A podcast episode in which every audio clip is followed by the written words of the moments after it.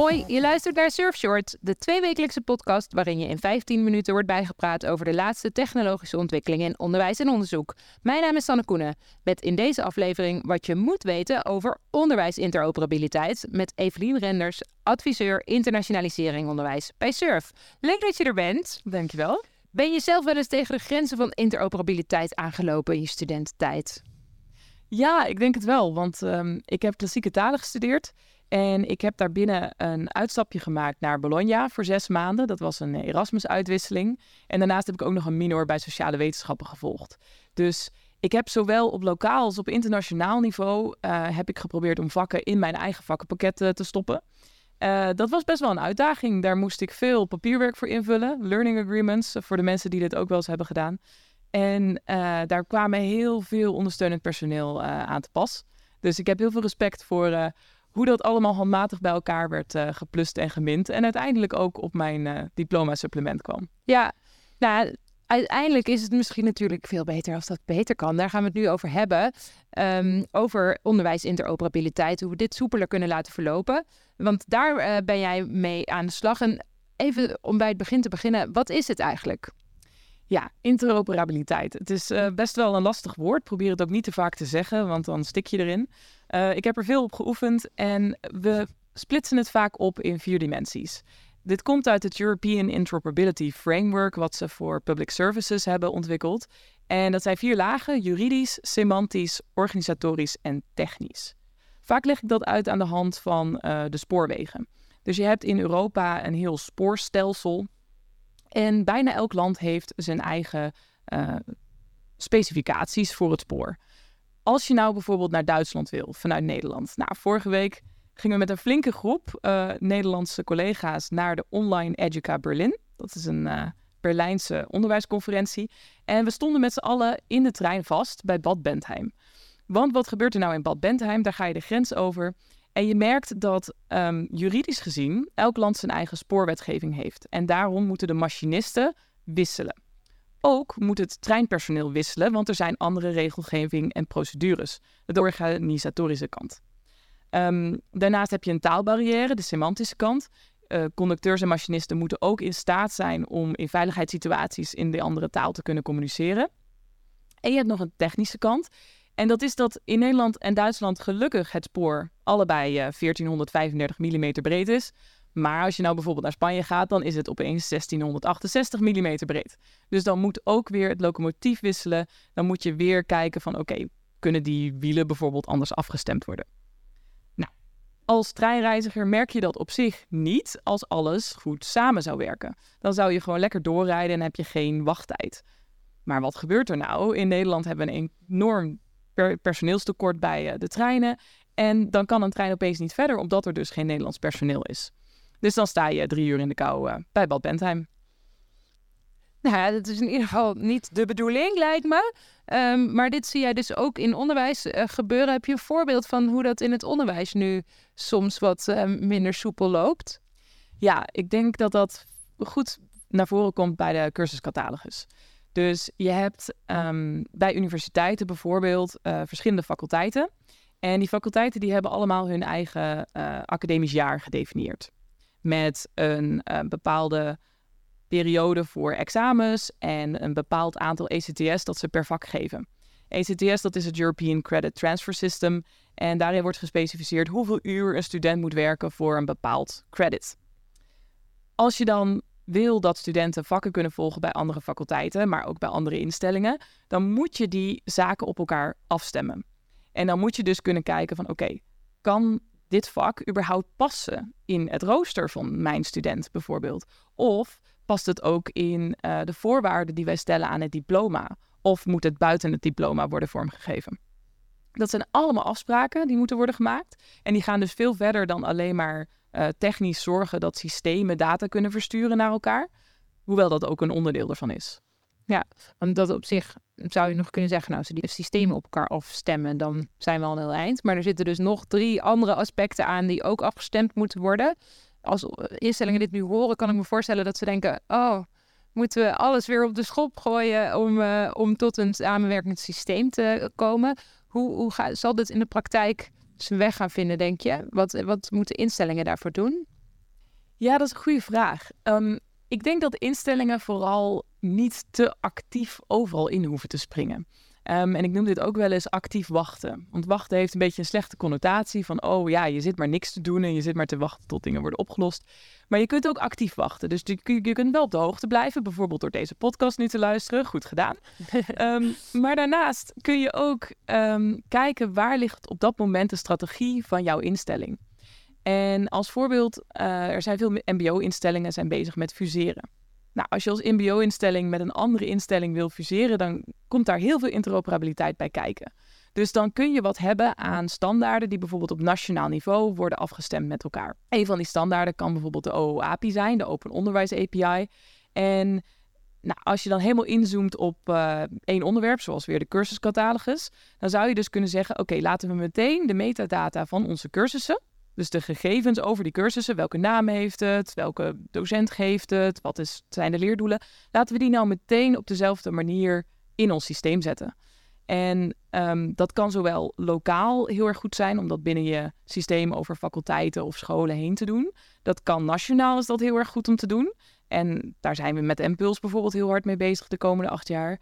Maar internationaal is dat ook een, uh, een uitdaging. Impuls, even voor de luisteraar, dat is de digitaliseringsimpuls voor het MBO, HBO en WO in Nederland. Het programma wat deze zomer is gestart. Ja, Internationaal zijn er momenteel trouwens uh, eh, 51 allianties. Dat noemen we Europese allianties voor universiteiten en HBO. En um, ehm, 14 daarvan, daar zitten ook Nederlandse instellingen in. Dat zijn uh, groepen van 6 tot 9 instellingen die dan samen onderwijs willen geven, maar ook onderzoek. En die, nou, die willen een hele diepe samenwerking aangaan. En een van de dingen die ze zoeken is een gezamenlijke cursuscatalogus. Dus uh, een paar weken terug is de eerste Europese cursuscatalogus geïmplementeerd uh, met behulp van SURF bij Eurotech. En daar zit de TU Eindhoven in. En dat was echt een. Het leek eigenlijk heel simpel. Want je denkt: oké, we hebben nu een website waar studenten kunnen zien welke cursussen ze kunnen doen. Over negen instellingen heen. Dat, dat, dat lijkt heel logisch van nou, dat hadden we al moeten hebben. Maar vroeger werd dat gevuld met allemaal handmatige uh, handelingen. Dus met Excelletjes, er werd heel veel gemaild, gebeld en afgestemd om dan die cursuscatalogus te kunnen vullen.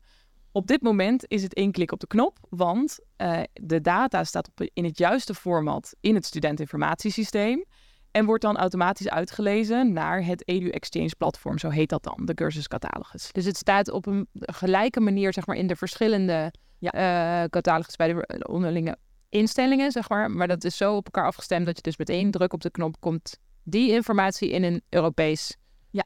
Europese catalogus terecht. Ja, en dat is inderdaad de standaardisering die dus gedaan is aan de hand van OOAPI, de Open Onderwijs API. Um, en het mooie daarvan is dat als je die API, wat een soort ja, specificatie is voor een stekker eigenlijk, als je dat in verschillende systemen implementeert, dus dat kan zijn een, uh, de, volgens mij de TU München en dus de TU Eindhoven, die hebben dus dezelfde specificaties in hun studentinformatiesysteem uh, geïmplementeerd. Daardoor kan je nu zonder al die handmatige handelingen die cursuscatalogus vullen. En dat is een voorbeeld internationaal, maar je kunt uh, je voorstellen dat dat nationaal ook werkt voor de allianties. Dus we hebben drie allianties in Nederland die hier ook mee bezig zijn. Maar dat het ook lokaal heel relevant kan zijn wanneer je gewoon over faculteiten probeert samen te werken. Ja, dus is dan uiteindelijk de grootste winst voor de student dat hij makkelijker kan bewegen of meer uh, aan, is de grootste winst te behalen in de administratieve last eronder? Of wie gaat hier het meest van profiteren? Ja, dat vind ik een interessante vraag, omdat het per instelling verschilt. Um, ik denk dat wij heel veel instellingen hebben in Nederland die ontzettend hard hun best doen om zo goed mogelijk voor die studenten te zorgen. En um, op het moment dat je daar de, uh, nou ja, het personeel voor hebt eigenlijk, dus de, de menselijke uh, kracht, dan um, ben je ontzettend veel uren aan het werken om het voor die student zo smooth mogelijk te maken. Dus die student merkt eigenlijk helemaal niet dat het allemaal handmatig gaat. Die student die denkt nog steeds van, oh, ik klik hier op de knop en een dag later werkt het. Ja. Um, maar daar zitten dus wel allemaal handmatige acties achter. op het moment dat je dat dan uh, digitaliseert of digitaal transformeert, maar dat je er in ieder geval een proces van maakt dat ook aangesloten is op systemen, wat dan weer met goede standaarden werkt, dan haal je eigenlijk de last van het administratief personeel, denk ik, het meest weg. Ja. Natuurlijk zou je ook als administratief personeel kunnen zeggen: ja, hier hebben we gewoon echt geen tijd en geen geld voor. We leggen die last terug bij de student. En dan heeft de student er weer meer last van. Dus met het Erasmus-proces bijvoorbeeld, daar zat je aan zoveel regels vast uh, die vanuit de Europese Commissie werden opgelegd. Dan moest je gewoon een vierpagina document, Learning Agreement, invullen met de hand. Daar moest een natte handtekening op. Daar moest dan nog een natte handtekening op. Nog een natte handtekening. Nou, ja. en dan moest je alles inscannen en doorsturen. Dus op die manier zie je van oké, wij gaan bij instellingen uh, de afgelopen tien jaar denk ik al steeds meer naar learner centricity. We gaan meer naar de student centraal zetten en echt proberen het, het nou, een fijn proces te maken voor die student. Dat betekent ook als je dan niet opeens de werkdruk wil vertienvoudigen eigenlijk bij het administratief personeel, dan moet je het daar dus ook uh, makkelijker gaan maken. Ja. Um, ja. Ja, nee, dat klinkt, uh, dat klinkt heel goed. Ik denk ook uh, als je zoveel mogelijk grenzen op elke manier weg kan nemen, dat studenten ook nog vrijer de mogelijkheid hebben om zich het, het beste te ontwikkelen. Um, waarom is dit nou eigenlijk een interessante ontwikkeling voor de instellingen om, om nu in de actieve wachtstand op te gaan zitten? Nou, vooral omdat er veel synergie is op dit moment. Dus ik noemde net het voorbeeld van de Europese allianties. Dat zijn er dus 51, dat worden er 60 in 2024. Daar zit heel veel geld achter vanuit de Europese Commissie. En um, met die 60 allianties heb je, nou, pak een beet 500 instellingen in Europa te pakken. En dat zijn alleen maar hoger onderwijsinstellingen. Natuurlijk heb je er veel meer. Je hebt in totaal 5000 hoger onderwijsinstellingen in Europa. En als je dan MBO er nog bij neemt, dan heb je er nog veel meer. Um, het doel uiteindelijk van de Europese Commissie is om interoperabiliteit en echt de, uh, de studentmobiliteit internationaal te verhogen. De Europese Commissie die wil heel graag dat er meer samenwerking is tussen de onderwijsinstellingen in Europa. En die wil ze ook beter kunnen ondersteunen. Um, en de verschillen weghalen tussen de uh, digitaal supervaardige instellingen en de wat minder digitaal vaardige instellingen. Dus eigenlijk leveling the playing field. Um, en dat moet gedaan worden door eerst uit te proberen, ja, maar wat werkt nou eigenlijk? En om dat uit te proberen heb je pilots nodig, proeftuintjes, dingen uitproberen. En zo zie ik die allianties heel erg. Ja. Um, dus die allianties die zijn, uh, omdat ze daar tijd en geld voor hebben en ze hebben daar ook een drive voor, dat past bij hun strategie, zijn ze dat aan het doen. Nou, dat zou ook echt niet elke instelling moeten doen, want niet iedere instelling hoeft vooraan te lopen, want daarmee loop je ook een hoog risico. Ja. Dus maar alle goede lessen die we hieruit leren, uh, daar is Euro Europa nu heel erg op aan het inzetten om die lessen dan te verspreiden. Ja. Om daar dan echt voor te zorgen van oké, dan maken we daar services van. Uh, bijvoorbeeld door edtech leveranciers. Hè, dat, hoeven geen, uh, dat hoeven niet allemaal publieke services te zijn. Dat kunnen ook services zijn die geleverd worden door suppliers. Ja. Maar in ieder geval maken we daar services van die voor alle 5000 of misschien nog wel meer instellingen gebruikt kunnen worden. Oké, okay, dus is nu een proeftuin gaande. Daar komen straks learnings uit. Als je als instelling nog mee wilt doen in die pilots, is daar nog ruimte voor? Uh, ik denk dat die keuze dan al een, um, een tijdje geleden gemaakt is door de instelling. De instellingen die nu meedoen. En volgens mij is de laatste financieringsronde van de Europese allianties uh, in februari of maart volgend jaar uh, klaar. Dus er zijn zeker ook instellingen die nu aan het schrijven zijn en die nu aan het nadenken zijn over hoe doen we hier aan mee. Um, ik denk eigenlijk dat als je bij NPULS aansluit als Nederlandse instelling, dat je al deze lessen mee gaat krijgen. Ja. En daarom valt het zo mooi samen. Dus het, het achtjarige NPULS-programma, dat uh, begint eigenlijk terwijl we dus in Europa grootschalig aan het proeftuinen zijn. En al die lessen die we daaruit halen, en daarom ben ik zo blij dat SURF consortium partner is van, uh, van ook de Europese Commissie en de European Digital Education Hub, zoals we dat noemen. Um, daarmee uh, kunnen wij ook die, die, die lessen, die Europese lessen in Nederlandse instellingen gaan implementeren. Ja, dan ben ik alweer bij mijn laatste vraag. Uh, heb jij nog een interessante tip voor de luisteraar eh, om eh, een podcast, een video of een artikel bijvoorbeeld, als iemand zich hier verder in wil verdiepen? Ja, zeker. Het is misschien een beetje saai dat surf verwijst naar surf, maar er zijn echt drie briljante artikelen geschreven de laatste tijd. En ehm, aan de ene kant over dat de Eurotech Course, Catalog um, is een artikel geschreven. Dus Eurotech wil een Europese standaard neerzetten. Um, en daarnaast twee artikelen over open standaarden en architectuur. En die zijn super leesbaar. Uh, en ik, dat vind ik echt uh, een goede stap. Oké, nou, als het super artikelen zijn, dan, uh, dan kan het niet missen. We gaan ze opnemen in de show notes. Evelien, dankjewel voor je heldere uitleg. Jullie bedankt.